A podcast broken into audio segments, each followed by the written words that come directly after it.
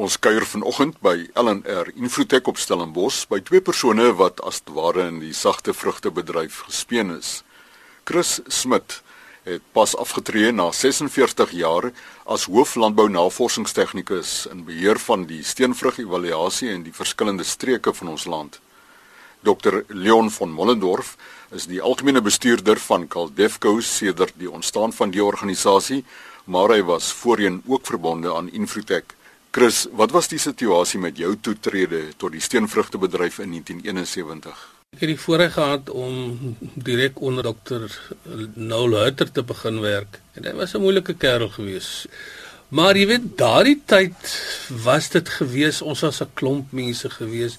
Jy was baie hulle vakkundiges genoem die die soort van die navorsers en dan jy die tegniese rigsteenpersoneel gehad. En kultivaarontwikkeling daai tyd was dink ek is baie makliker geweest as nou en daar was soveel ruimte vir verbetering van die bestaande kultivaars wat daardie tyd was. Daar was soveel tekortkominge wat die kultivaars gehad het in terme van drag en siekteweerstandbiedendheid en groeiwyse en daai goed. Ja en daar was baie meer navorsers wat spesifieke aspekte kon nagevors het wat miskien vandag nie heeltemal meer die geval sou is nie Maar ja, ons kom 'n baie meer rustiger omgewing gekom teenoor waar ons vandag is 46 jaar later. Ek ek dink Chris ek wil kan aansluit as ons na daai tyd se jare kyk. Instituute, daai tyd was dit toe nog eh, ek dink Infotech nie voorby was bekend of die navorsingsinstituut hmm. vir vrugte en vrugte tegnologie. Uh die instituut was omtrent die enigste teelprogram gehad van sagte vrugte in Suid-Afrika. Korrek. So so en daar was nie naaste by die vlak van besigheid rondom kultivaarontwikkeling is waar ons vandag staan nie. Daai tyd was eintlik as die instituut 'n kultivaar wat redelike belowende eienskappe het ontwikkel dat dit direk in die uh, res van die bedryf opgeneem word en hulle daarmee gehardloop. Daar was nie eintlik die kompetisie wat ons vandag gehad het nie. Veral nie op kultivaarontwikkeling en nuwe kultivaarsvrystelling in sagte vrugte nie. Ek dink dinge het intussen baie meer gekompliseerd geraak en waarby ons sal kom later. Maar ek dink uh, ja, dit was 'n bietjie eenvoudiger en dat die vereistes was nie en ek dink uh, soos Christus reg gesê het, was daar kundiges op verskeie vlakke daai tyd gewees of selfs mense binne bepaal wat een persoon wat 'n kundigheid van A tot Z gehad het wat jy kan kraan, jy kan hier onderhoud met hom voer en hy kan praat van teeling regdeur tot verbouing basies.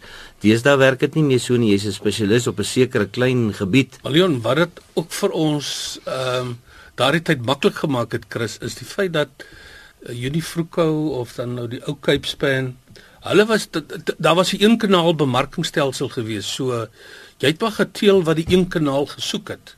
Maar na die deregulering van die markte het as ek die Engelse woord ballgame kan gebruik het dit dramaties verander. Ander woorde die dit dit was nie meer net daai een uitvoermaatskappy. Nou daar nou tientalle kleiner maatskappye het het tot stand gekom en iewes skielik het daar markte oopgegaan in die wêreld waarvoor ons as sulks nie geteel het nie en ons moes baie vinnig begin diversifiseer daai tyd. So ons was eintlik die isolasie waarin ons was, het ons 'n hele klompie jare teruggesit teenoor teenoor ons oorseese kollegas wat die wêreld aan hulle voete gehad het. So hulle kon 180 grade, ek wil partykeer sommer sê 360 grade visiteel doelwitte gevolg het.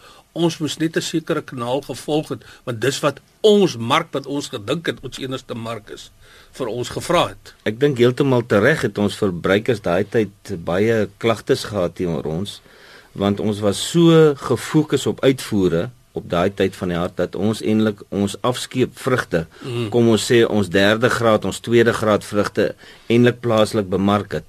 Uh en en en tereg, ek dink daai het tot vandag toe dalk nog 'n impak as ons praat van pryme want ons gewoonlik is ons ons pryme pluk vir uitvoermarkte dan pluk jy dit 'n bietjie groener want hy moet 'n lang reis op die skip hou en dan moet hy nog aan die ander kant nog nog hou en dan die goed wat nie eerste graad haal nie of nie uitvoergraad haar nie het ons dan op die plaaslike mark en daai goed was bykans oneetbaar. En ons sukkel vandag nog dat die Suid-Afrikaners byvoorbeeld lief raak vir pryme want hulle het 'n persepsie van groen en suur terwyl daar ongelooflike mooi variëteite is tans uh, in terme van net om 'n voorbeeld van pryme te noem. Maar wat ook baie verander het van daardie tyd af om oor see te gaan was 'n rariteit geweest en dit was ook net sekere hoë range hulle hulle voorreg gewees om oor see te gaan en ander teelers te gaan besoek, maar dit het verander 'n hele klomp jare gelede. Ehm um, dat die navorsers is baie meer vry gewees om oor see te gaan reis, gene bronne te gaan soek. Ehm um, maar na die regulering het dit ook makliker gegaan Leon en vandag nog so soveel makliker om nuwe, nie verwante gene materiaal of gene bronne in te bring in Suid-Afrika en dit dan in teeling te gebruik. Maar 'n ander nadeel wat ons nou mee sit, die nuwe generasie variëteite gaan oor intellektuele eiendom. So waar jy in die ou tyd nog 'n ou se kultivar kon gebruik het, oor see se kultivar en hy sou gevlei gevoel het daaroor. Nou is dit anderste om. Nou gaan jy vir jou vra, "Hoeveel gaan jy my betaal?" Ehm um, as ons die eerste generasie, tweede generasie, derde generasie, hoe gaan ons die royalty verdeling of die die tantieme verdeling doen? So en daai ballgame het dit vir ons al moeiliker gemaak. So jy is baie dankbaar as jy iets vreemde of nie verwante gene materiaal kry vir Suid-Afrika. Toe ons begin het, was dit maar net die ou NIV daai tyd. Ons was die kat se snor met nuwe variëteite. Maar toe daardie regulering het hier ek dink hier's oor 'n 50 hmm. nuwe of teelprogramme en ouens wat kultivars evalueer wat vir die buiteland af inkom, maar hy goed is nie tot ons beskikking nie. So ons moet gaan onderhandel om daai goed te kan gebruik in teelprogramme. En deesdae ek en Leon het altyd vroeër jare vir my gesê eksklusiwiteit het 'n monetêre waarde. Hmm. Ons neig nou so 'n bietjie na die na die besigheid toe en die besigheid het het, het radikaal verander rondom kultivar, kultuurontwikkeling, die besigheid, die bestuur van intellektuele eiendom. Uh en ek ek dink vandag ons ek hoor baie keer dat verbruikers sê die kostes van vrugte raak onbekostigbaar. Dit gaan hier als oor dat die om 'n kultivar te ontwikkel vat enige iets van 15 tot 20 jaar, sommige vat tot 25 jaar in die geval van appels kan dit tot selfs langer vat om 'n kultivar te ontwikkel. Om daai ontwikkelingsproses en die kostes daarvan op jaar tot jaar kos geld. En hierso wil ek amper sê dit word dis meestal deur staatsbefondsing gedoen tot en met hierso uh, in die 90er jare. Toe het hierdie konsepte van die bestuur, beskerming van intellektuele eiendom, die waarde het al hoe meer sterker na vore gekom. En, en toe het die plantteelers regte geregistreer uh, 'n uh, wet in Suid-Afrika wat die regte van die eienaars, die ontwikkelaars beskerm. En, en dit was toe vir die meganisme vir die vir die eienaars van kultivars gegee om besigheid te maak. Ander woorde om tantiemes te hê op kultivars. En dit was ook nodig want soos ek nou net gesê dit vat 20 15 na 20 jaar om 'n kultivar en dit kos geld. En die staat alleen kon nie meer voorsiening maak nie. Daar moes ander bronne uh, gebruik word. En dis 'n wêreldtendens, dis nie 'n Suid-Afrikaanse tendens, dis 'n wêreldtendens wat gebeur het. En die hele bestuur van intellektuele eiendom van die 90er jare het dramaties verander tot waar ons nou staan. Waar ons nou staan, is dit so dat daar enorme kompetisie is met kultivarontwikkelings. Ek het reeds gesê die NIVV destyds was destyds al een. Nou sit ons byvoorbeeld net in steenvrugte met omtrent 31 verskillende teelprogramme van ander lande wat met ons kompeteer in Suid-Afrika. So hier's 'n geweldige kompetisie. Ek dink tot voordeel van die produsent aan die ander kant, want kultivar eienaars kompeteer met mekaar om die beste produk op die op die tafel te sit. Dit gesê, aan die ander kant sit ons nou weer met 'n probleem dat ons arme produsente het in hierdie proses weer duur lesse moes leer. Want hier's kultivars geplant en baie van hulle is ingevoerde kultivars wat nie behoorlik geëvalueer is nie wat hulle goed in ander lande vaar maar ons klimaat, ons grond is ja, totaal verskillend. Perfect totaal verskillend. So jy sit nou met ouens wat geplant het, produsente hier in die ek wil amper sê in die vroeë jare 2 2000 uh, het ons uh, produsente dierlesse geleer deur kultivars te plant wat oënskynlike goeie kultivars maar wat net nie aangepas is by ons omstandighede nie lonend was nie en moes uittrek weer. So ek dink ons het maar deur prosesse gegaan selfs met ons produsente en dis meer.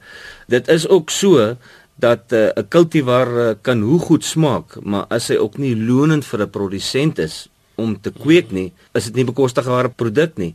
En ek dink dis baie keer wat ons verbruikers miskyk dat uh, as die produksie nie om 'n goeie kultivar te wees beteken net hy moet goed smaak nie.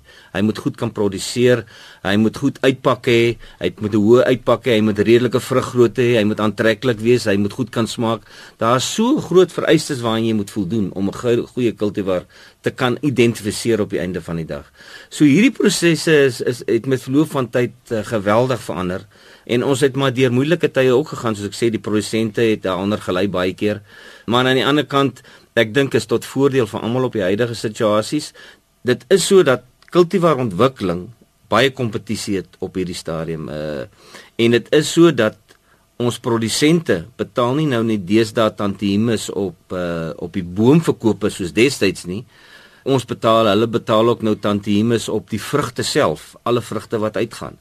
Natuurlik, uh, dis hoekom pryse ook vir ons verbruikers moet opgaan want uh, dit is maar 'n uh, kettingreaksie wat deur die verloop van die besigheid gaan op die einde van die dag. Maar ons as as teelers of navorsers en evalueerders vir ons het dit ook baie vroeg baie duidelik geword na die regulering dat ons kan nie meer net vir een spesifieke markgreep uh, kultivars ontwikkel nie. Ons moes die hoed afgooi van kom ons maak 'n kultivar en sê vir die bedryf hierso is sy plant hom. Ons moes ga, gaan luister wat sê die markplek en dis waar Kuldefco 'n baie belangrike rol speel. Die navorsers sit al hulle teeldoelwitte is nou gegrond op wat sê die mark. Hy het gepraat van die boere is 100% korrek. Ek is heeldag aldag tussen boere wat raas en beklei oor hierdie van oor hierdie tipe van goed wat dan ook tussen klimaatstreke en areas verskil. Onthou, Suid-Afrika is vrot van mikroklimate en dis nie moontlik vir die LNR of vir die bedryf om al hierdie goed in al die areas te gelyk te kan evalueer nie. So Wanneer ons dan nou goed evalueer, ek dwaal so 'n bietjie vinnig af, maar ek moet dit net vir jou sê, op ons evaluasiepersele doen ons ook klimaatsmonitering. So die dag wanneer ons 'n kultivar vrystel en produsent A, B en C kom na my toe en dan gaan ek vir hom vra, voldoen jou plaas aan die volgende klimaatsprofiel? En dit kom terug na die feit van baie oorseese kultivars is nie is nie suksesvol in Suid-Afrika nie. En dan gaan mense wie sit by geaanvat daaroor. Daar is enkeles van hulle wat groot kultivars geword het. Dis fyn, maar dit gaan oor daai spesifieke genotipe omgewing interaksie wat in balans moet wees. En hier haal die tyd ons in, maar soos u self kan aflei, ons twee gaste is ver van klaar praat. Dr Leon van Mollendorf van Caldefco en Chris Smit, afgetrede personeellid van Infrotech, kom weer kuier. Beste wense, geniet die naweek.